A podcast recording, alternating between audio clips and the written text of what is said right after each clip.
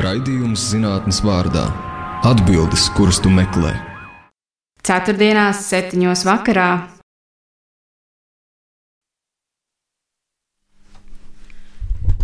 Esiet sveicināti raidījumā zinātnes vārdā. Ar jums kopā Ievas Siliņa. Katru dienu klausoties ziņas rādio vai atverot ziņu portālus, iepazīties ar jaunāko, saskaramies ar ziņām par karu vai militāro jomu. Pasaule ir bīstama vieta, un nerodas iespējas, ka tuvākajos gadu desmitos vai simtos varētu kas mainīties. Aizsardzība un drošība līdz ar to ir izšķiroši svarīgi koncepti. Šodien noskaidrosim, vai militārā joma, drošība, aizsardzība ir kāda cita pasaule, vai tomēr saistīta ar zinātni. Ja jā, kāda ir šī saistība un kas par norisēm pasaulē šobrīd jāzina katram no mums? Rādījumā studijā raidījumā zinātnes vārdā viesojas ģeopolitikas pētījuma centra vecākais pētnieks, bijušais atversmes aizsardzības biroja direktors Jānis Kažociņš. Labdien! Labdien! Nu, Jā, kurš mācījos vēsturi skolā, vai ne? Tāda šķiet, tā bija tāda karu vēsture, kurā gadā kurš karš. Nu, tā teikt, daudz, daudz nav mainījies, vai ne? Tagad atveram ziņas, un pasaulē tas pats vien notiek. Bet būtībā, vai šie kari ir mainījušies, sākot no aizvēstures, kur mēs lasījām par kādiem seniem cilvēkiem, kas ko darījuši līdz mūsdienām, tam, ko redzam ziņās? Patiesībā to es noteikti gribētu paskaidrot un parādot, kādā veidā tas nozīmē, ka zinātne ar vien vairāk ir būtiska mūsu drošībai, bet pašu pirmo, ko es gribētu pateikt, ir, ka drošība un aizsardzība uh, nav atšķiramas. Un šeit mēs paši Latvijā arī esam, un, un arī NATO vispār esam mazliet pielaiduši kļūdu pēdējos uh, pāris gadu desmitos, ka mēs nesam sapratuši, ka uh, iekšlietu struktūras un aizsardzības struktūras ir viss daļa no viena, un ka, ja mēs um, esam ar mieru labi finansēt aizsardzību un atstājam Bet, protams, iekšlietu pabērnu mm. lomā, tad mm -hmm. mēs varam konstatēt, ka slikti būs. Nozīmē, un, ka tā aizsardzība ir divas lietas, gan tā ārpuse, gan tā iekšpuse. No, nu, es teiktu, ka mums jāskatās uh, vispār uz uh, apdraudējumiem, un es pat gribētu to drusciņi plašāk pavērst un teikt, ka mums ir, uh, nu, varētu teikt, četri virzieni apdraudējumam ir vispārēji eksistenciāli apdraudējumi cilvēcei. Es tulīt izskaidrošu, ko es ar to gribu sacīt. Tad ir tīri militāri apdraudējumi, nu, ta, to mēs redzam, kas notiek no, Ukrainā. Redzam, jā. Tad ir hibrīdie apdraudējumi, kuri jau ilgus gadus ir izmantot pret mūsu valsti, mūsu aliansi un pēdējā laikā arī spridzinot vadus, piemēram, uh, gāzes un sakarvāds starp Igauniju un Somiju, un tad mums arī jādomā par nākotni. Tā kā ļoti īsi par eksistenciāliem apdraudējumiem. Es domāju, ka šī gadsimtenī jūs klausītāji un viņu bērni piedzīvos tādus apdraudējumus, kādus mēs neesam redzējuši gadu tūkstošiem. Protams, globālā sasilšana, bet globālā sasilšana kā tāda ir tikai viena daļa, bet globālā sasilšana izraisīs tādas cilvēku plūsmas, kādas nav redzētas nu, kopš Kristus laikiem, jo cilvēkiem būs vai nu jāizvēlās palikt un mirt, jeb um, pārvākties, un uz kurien viņi pārvāksies, tur, kur nav globālās sasilšana, no tā izskaitā pie mums. Jā. Tad ir uh, jautājums par kodolieročiem. Tas, kādā veidā uh, Putins un uh, viņa, um, uh, viņa atbalstītāji Krievijas sabiedriskos mēdījos runā par kodolieroča lietošanas latiņas pazemināšanu, tā kā gandrīz sāk likties, ka kodolieroču izmantošana varētu būt pieņemama lieta, ir ārkārtīgi bīstami, jo ja Putins pats to nedarīs kaut kad, un par to mēs vēlāk varam runāt, cik tas ir nopietni, uh, tomēr tas nozīmē, ka uh, tā it kā mācība, ka ja kā Ukraina, um, tev nav kodoli ieroču, un kodoli ieroču apbruņot valsts te uzbruk, tev ir ļoti, ļoti slikti. Un tādēļ daudzas valstis, kuras uh, uzskata, ka viņiem varētu būt apdraudējums, un es minē, minēšu vienu Saudarābiju, kura uh, baidās uh, no Irānas, ja Irāna tagad pierādīs, ka viņiem tiešām ir kodolieroči, tad mēs varētu konstatēt, ka Saudārābija arī ļoti ātri viņus uh, iegūst, tāpat kā Pakistāna ieguva pēc tam, ka Indija apbruņojās ar kodolieročiem, un atcerēsimies, ka ne Pakistāna, ne uh, Saudarābija, ne Irāna, ne Ziemeļkoreja ir stabilas valstis, un ko tas viss var nozīmēt, ka kaut kad nākotnē ir pilnīgi iespējams, ka pašnāvnieku teroristi varētu arī iegūt kodolieročus, un tad jau viss iet vaļā, un neviens īsti nezina, kāpēc un kā. Jo vienkāršot Tā. sakot, sanāk viens apdraud otru, tas apdraudētais arī mēģina iegūt kodolieroču, beigās kodolieroči ir visiem, kamēr atvainojas, bet kādam kaut kas noiet greizi. Tieši tā, un uh, kad tas viss sākas, tad to apturēt ir ārkārtīgi uh, grūti. Uh, atcerēsimies arī mūsu pašu kontekstā, ka zapēda mācības, kas notiek ik pa četriem gadiem, bet šogad nenotiks, uh, tāpēc, ka Krieviem vienkārši nav tādi bruņotie spēki, ar kuriem spēlēt spēlītas pie mūsu robežām, uh, par, bieži ir beigušās ar to, ka ir simulēts um, kodola trieciens vienreiz, piemēram, pret Varšavu, uh, un doma ir tāda, rietumi neiejaucieties, ka mēs esam tagad atguvuši Baltijas valsts, kas mums pieder, jo, ja jūs uh, reaģēsiet, tad būs pilns atomkarš ar zemtekstu ASV, vai jūs tiešām esat ar mieru ziedot pušas savu tautu, lai aizsargātu Baltijas valstis?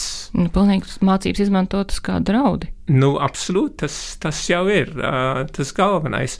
Un, ja nu mēs, un es par militāru runāšu beigās, ja uh, pa, mēs domājam par to, ka NATO alianse tomēr ir ļoti spēcīga, un ja Krievijas federācijas bruņotie spēki izrādījās nevis otru spēcīgākie pasaulē, bet tikai otru spēcīgākie Ukrainā, kā tas uh, joks, kas pašreiz nu, pirms uh, dažiem mēnešiem gāja arī Krievijas medijos, uh, tad uh, pēdējais, kas viņiem tagad ir vajadzīgs, nu, nezinām, kā būs pēc pieciem vai desmit gadiem, kā atgūsies, uh, uh, viņiem varētu būt ārkārtīgi grūti uzbrukt, um, pieņemt lēmumu uzbrukt NATO.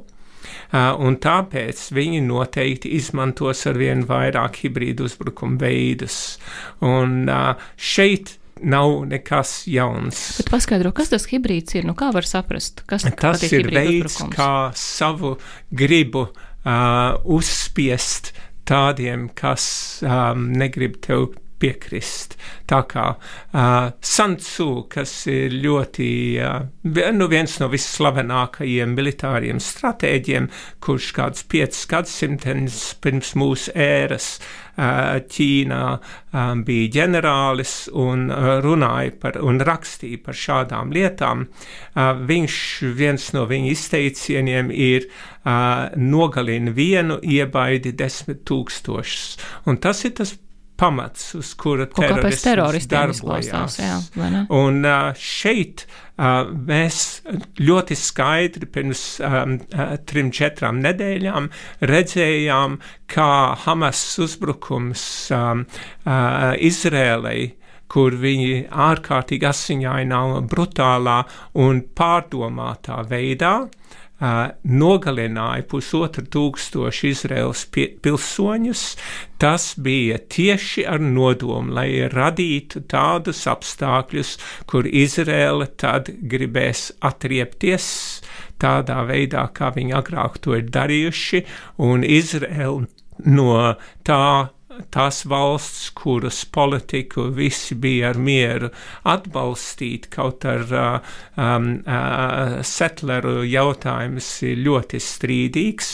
Uh, tagad varētu, uh, mēs nezinām, uh, ierakstot šo sarunu, vai um, viņi ir nonākuši tādā situācijā, ka morālā, a, morālais atbalsts ir vairāk palestīniešiem nekā Izrēlai, bet tas bija tas mērķis, tas viss ir apzināti.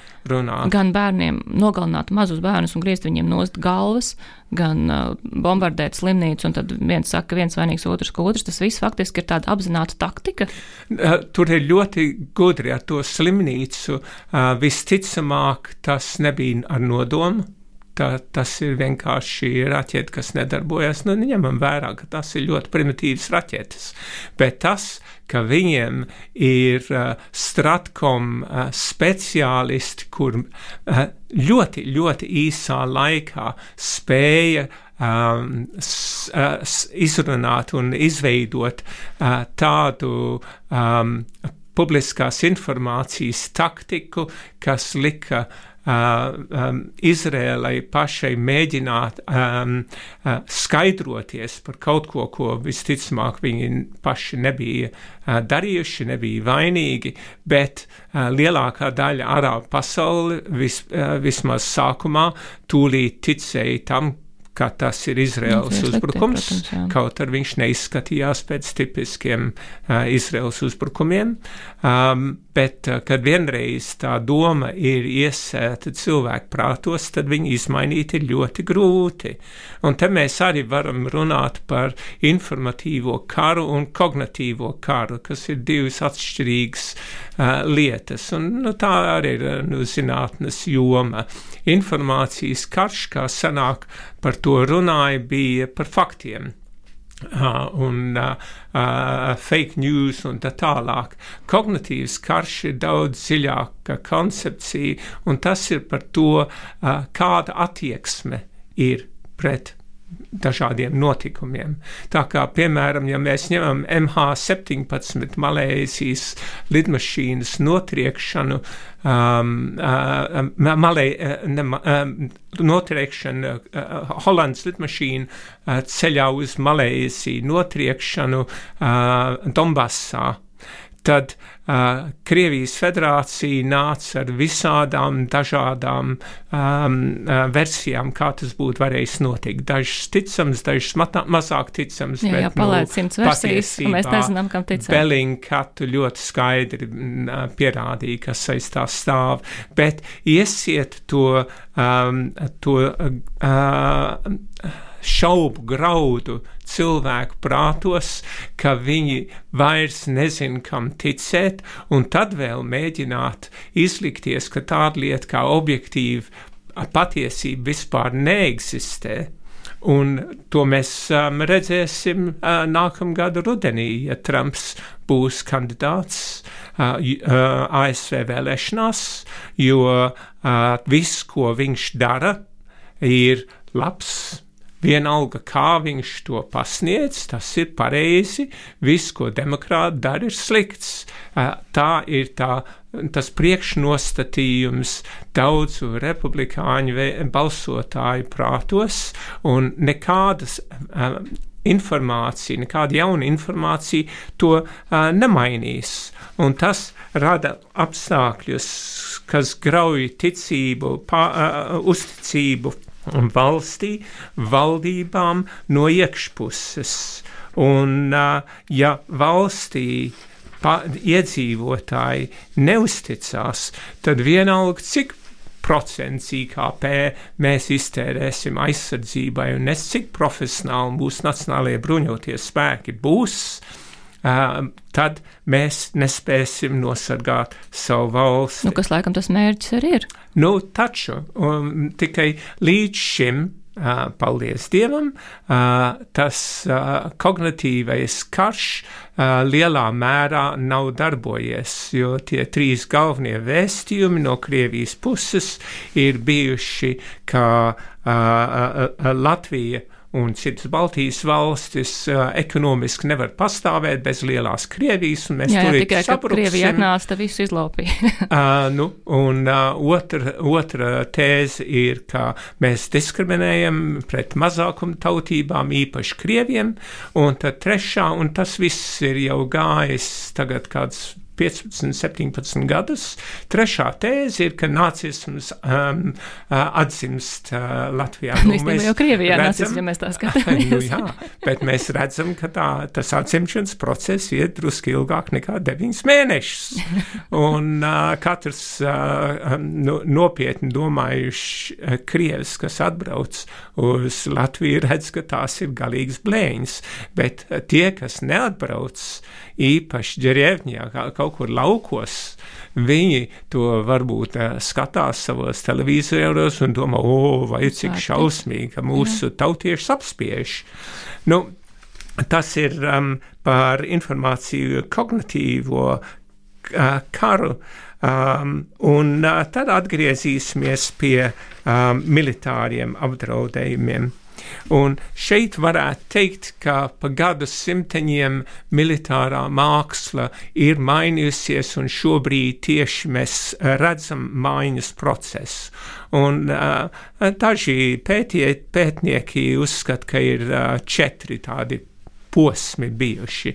Pirmais ir ko angļu valodā sauc par melēju, mēs varētu saukt par kautiņu, ka katrs izvelks savu zobenu vai savu kaujas sirvi, un tad ne? kopā ar saviem čaļiem, saviem draugiem iet, skrien virsū tiem citiem, uh, dod cik nu vien var, un tie, kas paliek pār, tie ir tie uzvarētāji. Un tad nāca kādi gudrāki cilvēki un saprata, ka ja šos kaujiniekus norganizē kaut kādā masā, tā kā romiešu leģions, tad viņš šādiem um, rezultāts kaut, labāks, jā. Kautiņu, um, gribētājiem uh, ļoti, viņus ļoti ātri un viegli pieveiks. Un šis posms sasniedza savu uh, epopeju apmēram Pirmā pasaules kara laikā, kad bija masa abās pusēs, īpaši rietumu frontē, un karavīriem lika uzbrukt pār ārā no tranšējām pret lielgabaliem un lošmetējiem no lielgabalu gaļa. Tanī, tas ir šausmīgi, bet tanī pašā laikā atcerēsimies, ka uh, Ziemassvētku kaujās, tas ir no 1916. uz 17. gadu, uh, latviešu strēlnieki, tieši 7. Bausks strēlnieku pulks, vēlākā ģenerāļa Gopera um, pakļautībā ieņēma lošmetēju kalnu tīreļpurvā. Un kā viņi to izdarīja? Viņi, bija, viņi to uzbrukumu veica pāri sasalušam tīreļpurvam, sniega apstākļos, bez artilērijas sagatavošanas, um, ar baltiem uh, tērpiem, lai viņus neredzētu. Neredz, un uh, iz, Izsita caurumu Krievu, tas ir vāciešu līnijā, apgāja apkārt un ieņēma lošmetēju kalnu, kas no priekšpuses nu tikpat kā neiespējami izdarīt no aizmuguras. Un Ļoti tas bija tāds uh, panākums, par kuru uh, rietumu valstu uh, avīzēs rakstīja pirmās lapas pusēs par to, ko latviešu strēlnieki izdarīja 16. un 17. gadā. Un no, nu, ne, ne, ne jau no tā, bet no tādā veidā izva, izveidojās manevrs. Tas ir, ka masas nevis vienu pret otru um, uh, cīņā, priekšējā cīņā um, uh, nostāda, bet mēģina atrast uh, netiešo gudrākus veidus. Jā, indirect approach, netiešo veidu. Un uh, galvenās cīņas uh, uh, otrā pasaules karā bija tieši tādas. Mažino līnija nenosargāja Franciju, kaut arī tā bija, varētu teikt, visspēcīgākā aizsardzības līnija, kāda jebkad ir bijusi, varbūt lielais Ķīnas mūrs, kas arī nebija veiksmīgs. Uh, viņš bija apējams un uh, lielākā uh, otrā pasaules kara um, tanku kauja Kurskā austrumu frontē tieši bija manevra kauja. Un mēs tagad esam redzējuši, kā tas lēnām attīstās tālāk, un uh, tas, kas šobrīd notiek Ukrainā, varētu teikt, ka tas ir iespējams pēdējais uh, 20. gadsimta kara paveids Tas ceturtais uh, posms. Uh, tas Tas ir tāpēc, ka ceturtais posms nāk klāt, un tas ir, ko angļu valodā sauc par swarm, bet mēs varētu saukt par spietu.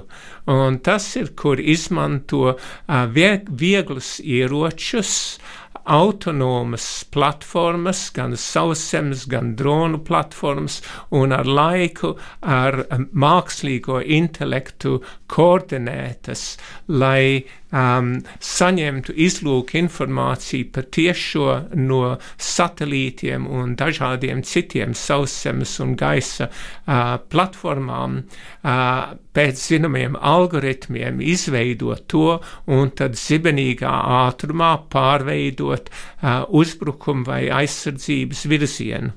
Un tas ir tūkstošiem reizes ātrāk nekā vislabāk apmācītais divīzijas vai korpusu štābs, kāds vien varētu būt. Tā ka tas ir kaut kas pavisam cits. Un mēs to Ukrainā redzam, piemēram, uh, Krievu um, uh, uh, bruņoto uh, ekipējumu uzbrukumam Kievai uh, no ziemeļiem, kur uh, 4-3 tūkstoši metru attālumā uh, ar maziem prettanku ieročiem vien pēc otra iznīcināja šo smago vērtīgo tehniku. Un, kad to redz uz vietas, uh, tas ir vienkārši neiedomājami, kā viņi to varēja izdarīt. Bet to izdarīja mazas saujiņa um, karavīru. Un tagad mēs redzam ne tikai kā dronus izmantoja vispirms uh, Ukrainas puse uh, ļoti veiksmīgi, bet tagad Krievi arī izmanto dronus, un mēs to arī esam redzējuši Gazas joslā, kur šo nocietinājumu, kur uz, e, Izraēla uzskatīja par nepārvaram, uh, uh, to uh, varēja no gai, gaisa tiem torņiem uzmest uh, sprākstvielas un uh, viņas neutralizēt. Šis ir raidījums zinātnes vārdā ar jums kopā ar Ievas Siliņu. Viesosim šodien ar ģeopolitikas pētījuma centra vecākais pētnieks, bijušais atvērsmes aizsardzības biroja direktors Jānis Kažociņš. Runājam par drošības jomu, runājam par kariem un zinātni, un kāda tur saistības starp militāro un zinātni, bet Jānis pēc tavas stāsta sanāk, ka zinātne gan ir bijusi blakus, gan atļaus visai vidē mainīties tā, ka tā situācija šobrīd ir kardināli savādāk, gan faktiski ir bijusi arī tā teikt tieši iesaistīta militārajā jomā. Nu, par to nekādu šaubu nav, jo no tā laika, kad uh, sāka uh, karot, tad vienmēr katra puse ir mēģinājusi atrast veidu, kā um, caur zinātni, uh, varbūt ar mazo zē, nevis ar lielo zē, um, sanāk uh, uh, atrast uh, virsroku ienaidniekam. Tā piemēram, um, uh, Angļi cīnoties pret uh, Franču um, uh, bruņotiem jātniekiem, uh, Ažinkors um, uh, kaujā, nu viņiem vajadzēja zaudēt, bet uh, viņi ar saviem lociniekiem bija konstatējuši, ka, ja zināmā veidā raida tos, tās šautras, no lokiem, tad nākot lejā viņas iziet cauri bruņām. Un tādā veidā uh, franču aristokrātija, kas uzskatīja ar savām smagām bruņām, viņi ir nepārvarami, uh, domāja, ka viņi būs uzvarētāji. To tādā pašā veidā var salīdzināt ar Ukrāņiem, ar uh, viņu javelinu prettanku ieročiem, um, vai arī ar, uh, ar um, mūsu stingeriem, kurus um, Latvija piegādāja Ukrainai 24 stundas pirms uh, Krievu uzbrukuma pagājušā gada februārī, un kurus izmantoja, lai nosargātu Hostomeļas uh, lidostu pret gaisa desantu.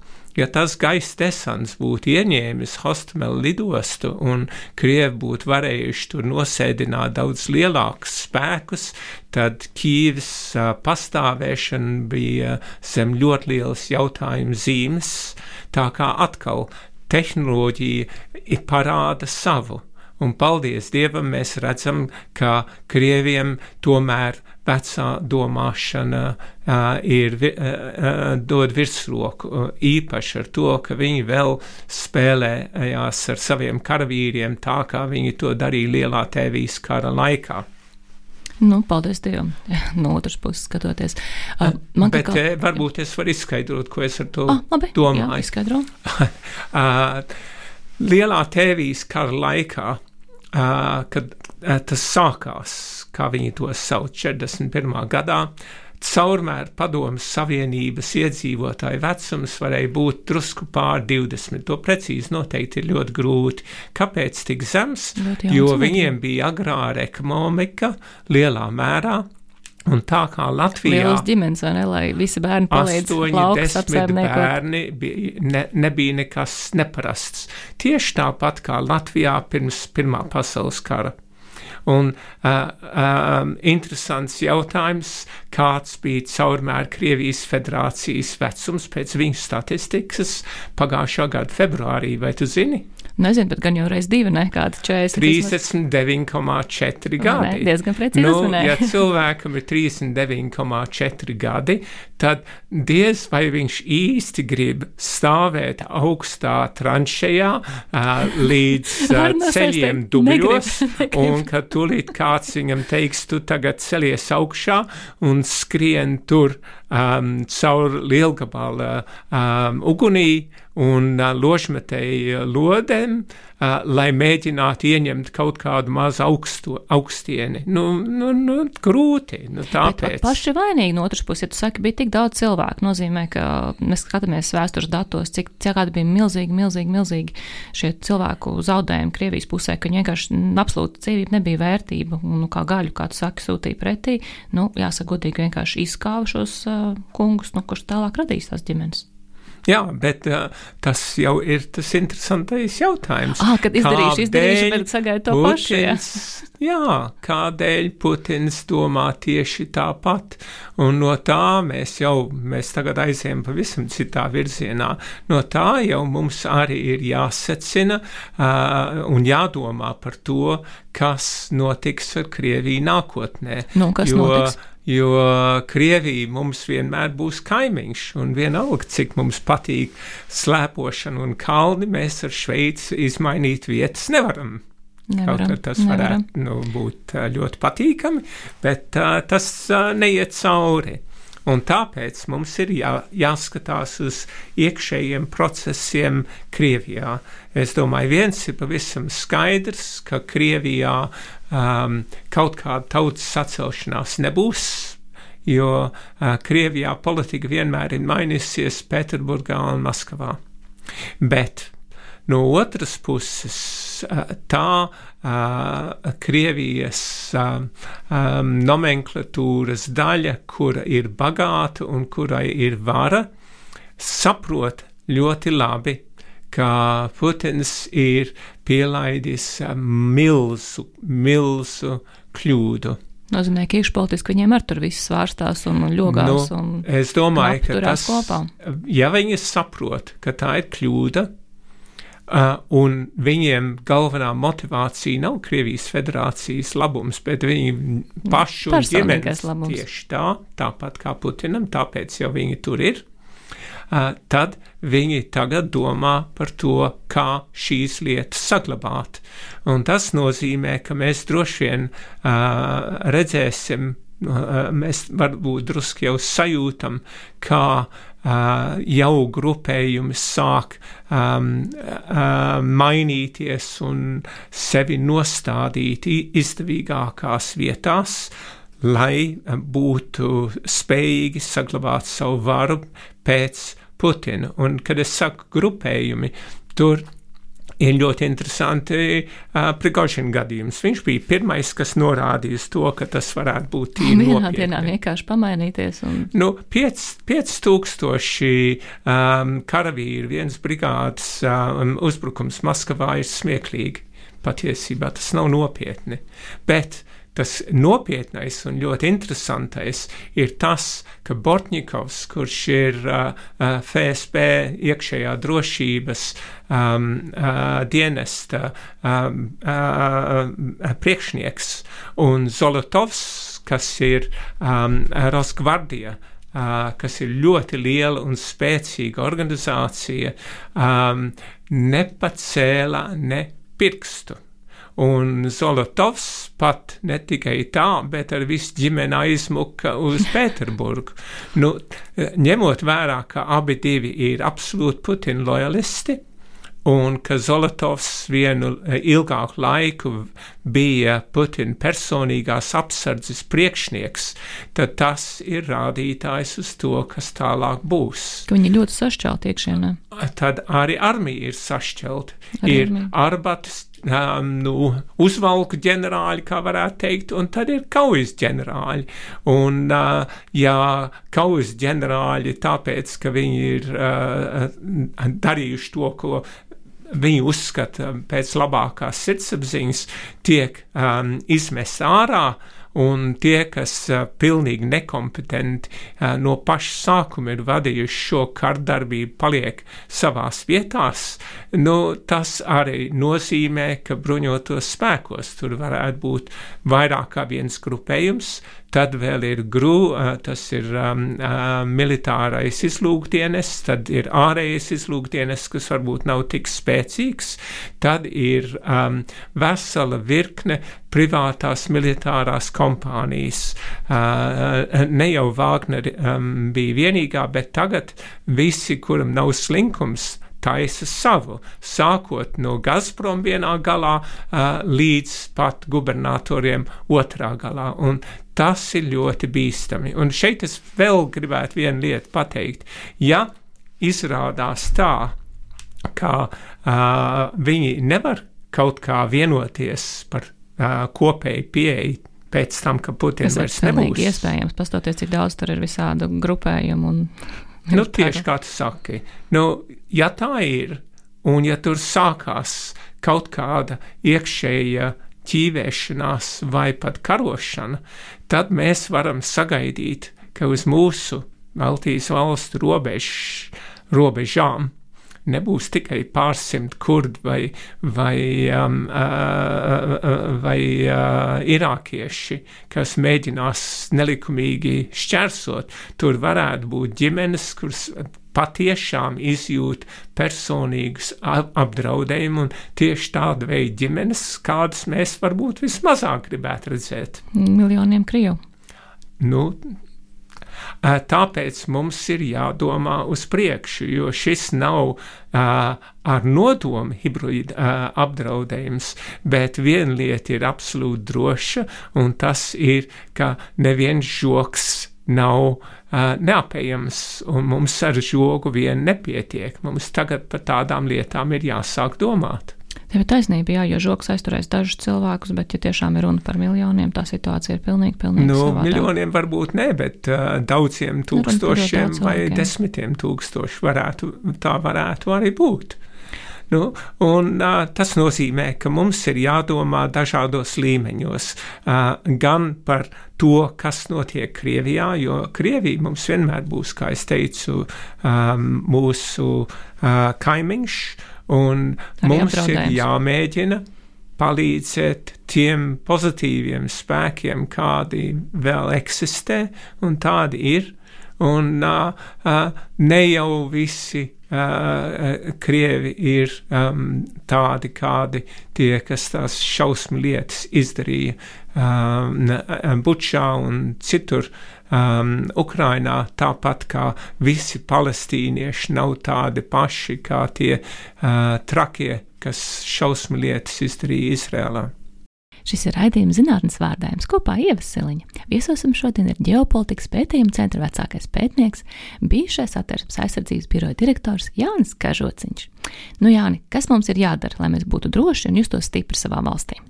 Nu, es domāju, vispirms mums vajag uh, padomāt par to, kas, kāds apdraudējums mums varētu būt no militārā viedokļa. Nu, paskatāmies kartē, mēs redzam.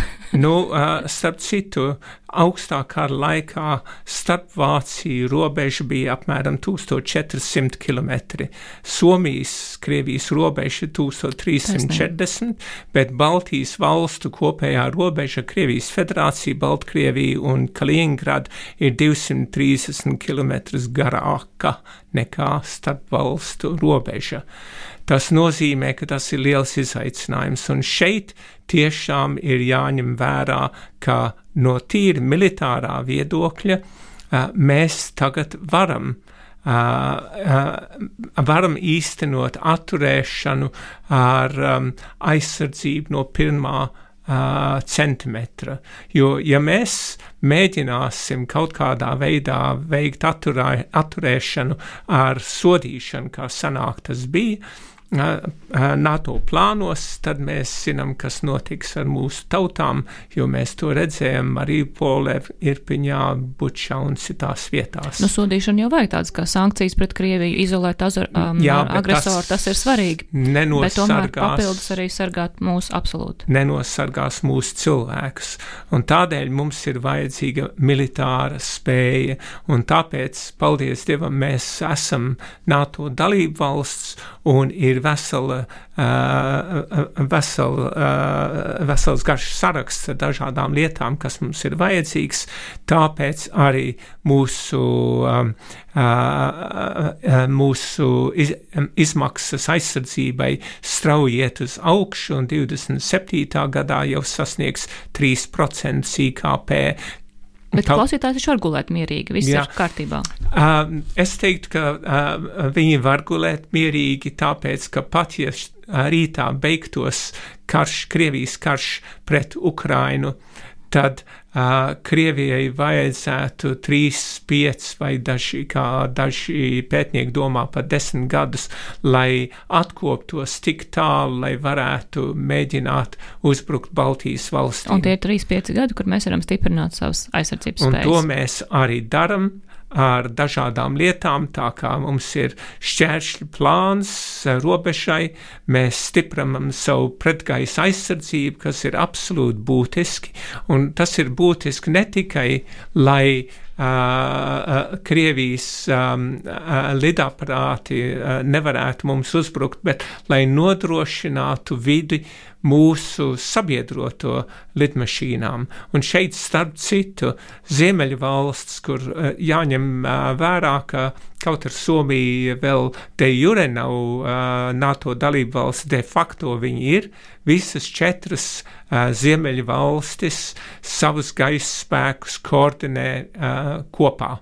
Un no tiem tur ir 230 kaujas lidmašīnas, kas ir vismodernākās, un tas ir milzīgs spēks, un viņi ir daļa no mūsu reģiona. Tas jāņem vērā.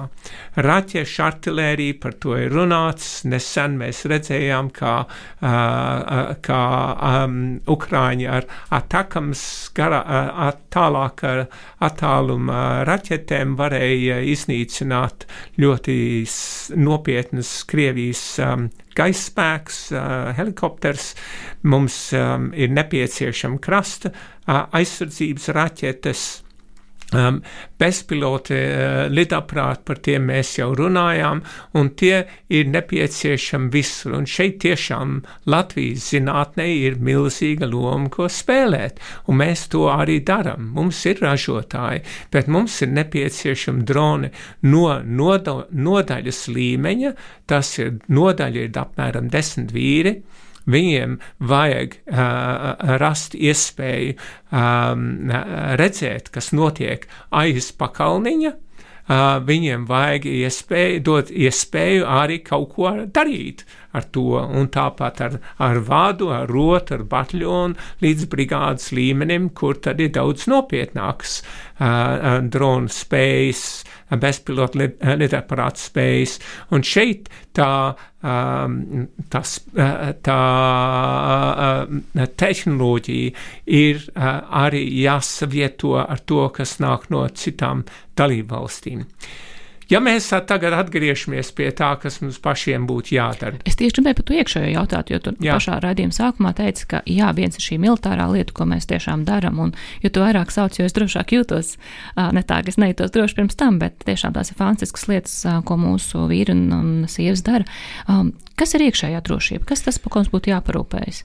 Nu, es domāju, ka tā ir daļa no tā, ko mēs, ko aizsardzības ministrija sauc par visaptverošo valsts aizsardzību. Un, ja mēs atklāti runājam, iekšlietu ministrija ir vēl bedrē. Un ja ir tā, ka katru gadu no robežsargiem vairāk iet prom nekā nāk iekšā, nu, tas nav labi. Nu, nav arī labi algas policistiem, lomā. kas ir pārāk zemes, neizremontētas telpas un šīs lietas.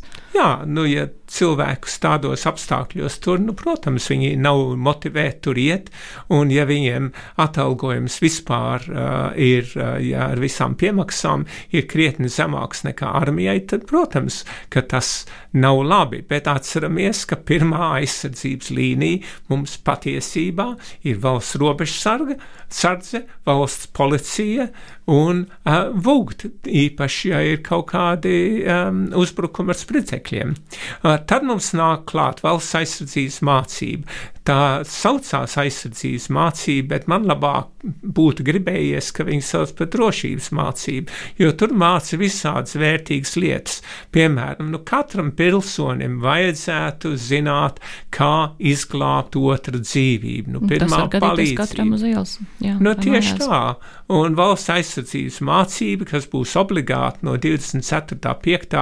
Um, uh, mācību gada uh, visiem jauniešiem, nu tas tieši tieši dod. Nav jau mērķis, lai viņus visus iztaisītu par karavīriem, bet uh, drīzāk, lai viņi zinātu, ko hibrīda vai kara apstākļos darīt. Un tad mums nāk arī klāt valsts aizsardzības dienests.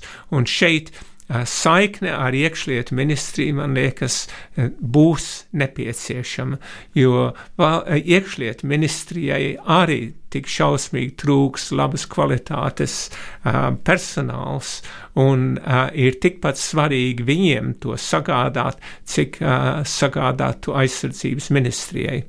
Nozīmē, ka šī ir joma, kur vajadzētu vēl stiprināt un uh, būsim godīgi, paredzēt budžeta līdzekļus, lai mēs varam darīt labāko mūsu Tieši valstī. tā, un tas arī parādās valdības deklarācijā, un cerams, ka arī tur būs kaut kāds rezultāts.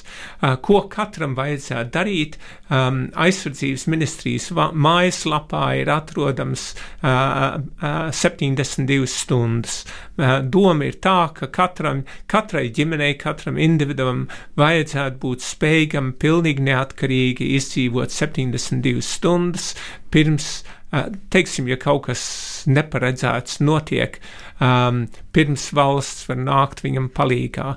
Un, ja šo katram vajadzētu to bukletiņu vajadzētu teikt, apgūt un saprast, kas tur jā, ir teikts. To vajadzētu izlasīt un uh, sagatavot, kas tur ir vajadzīgs. Kā ar to informatīvo telpu? Tu minēji visas hibrīda lietas, nu tomēr laikam nepietiks to, ka mēs būsim gatavi vienu gadījumā, kas notiek. Es domāju, ka informatīvā telpa ir ārkārtīgi svarīga un šeit īpaši būtiska ir kritiskā domāšana un kādā veidā mēs jau tagad mācam saviem bērniem no paša skolas sākuma, kas ir kritiska domāšana, ka nevar visam tūlīt automātiski ticēt un vajag arī uh, skatīties, bet nu nevajag ar konspirācijas teorijas veidot.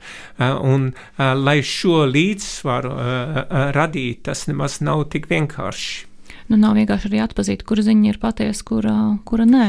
Nu, arvien vairāk mums būs to, tie dziļie viltojumi, deep fake, jo tagad jau mēs pat katrs varam uztaisīt uh, Uh, pielikt savu, savu seju kādai slavenībai un uh, izskatīties vai nu labāk vai sliktāk, nu kā nu kuram patīk. Bet tas no politiskā viedokļa īpaši mūsu vēlēšanām tas ir ārkārtīgi būtiski.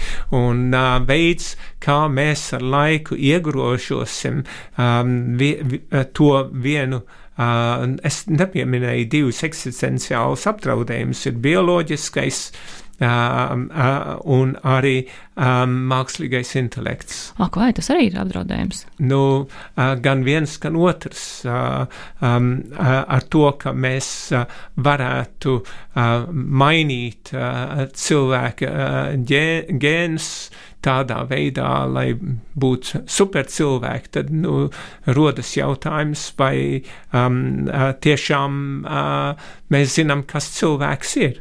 Un tad arī profesors Jeffrijs Hintons, kuru bieži sauc par um, mākslīgā intelektu krustēvu, uh, viņš um, pirms dažiem mēnešiem aizgāja prom no Google Uh, un uh, tagad ir mācības spēks, bet viņš uzskatīja, ka uh, ir tīri iespējams, ka mākslīgais intelekts netālā nākotnē būs gudrāks nekā cilvēki un būs spējīgs arī iestāstīt cilvēkiem visādas tekstīnas, kurus viņi grib dzirdēt, jo viņš to ir mācījies no visas pasaules literatūras. Nu jā, no vienas puses, protams, ir um, mazliet biedējoši, kā var izmantot tavu balsi, lai ierakstītu kādu vien gribās uh, saturu vai tavu seju, lai izveidot kādu vien gribās uh, video. Kamēr tas viss ir jokiem, tikmēr, jā, tas ir interesanti, bet no otras puses tas, ko tu minēji par to, ka arī ienaidnieks, uh, tās valsts, kas nevēlas, lai mums būtu brīva, neatkarīga, plaustoša valsts, to izmanto savā, savā labā.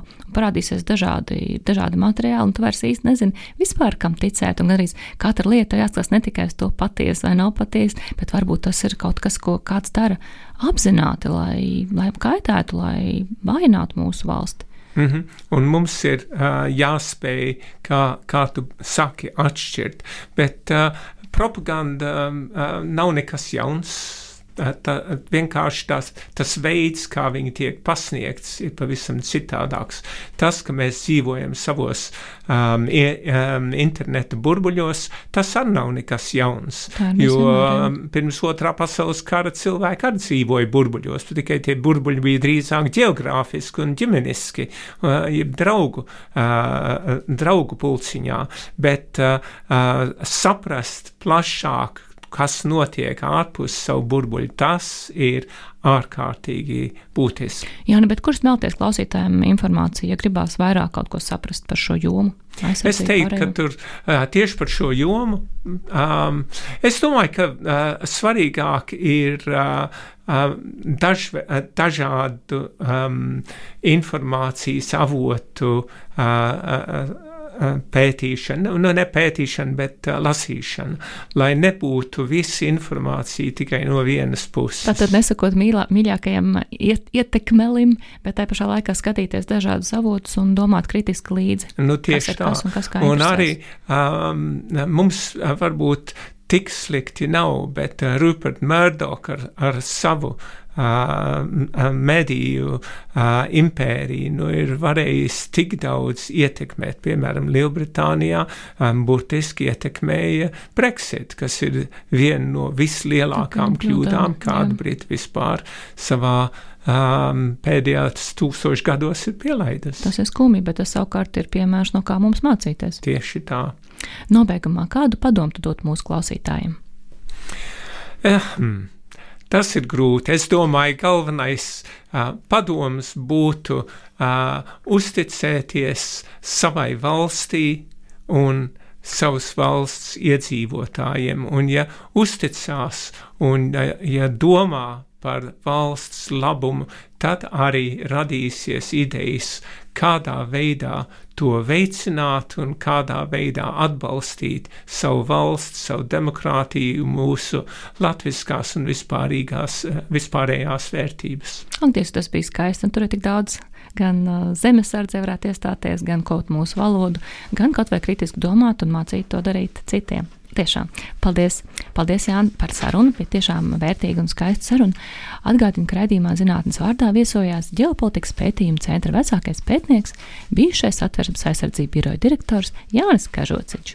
Studijā bija Ievas Siliņa. Lai sekot jaunumiem mūsu radio, atcerieties piesakot at radio naba kanāliem, sociālos tīklos Facebook, X un Instagram.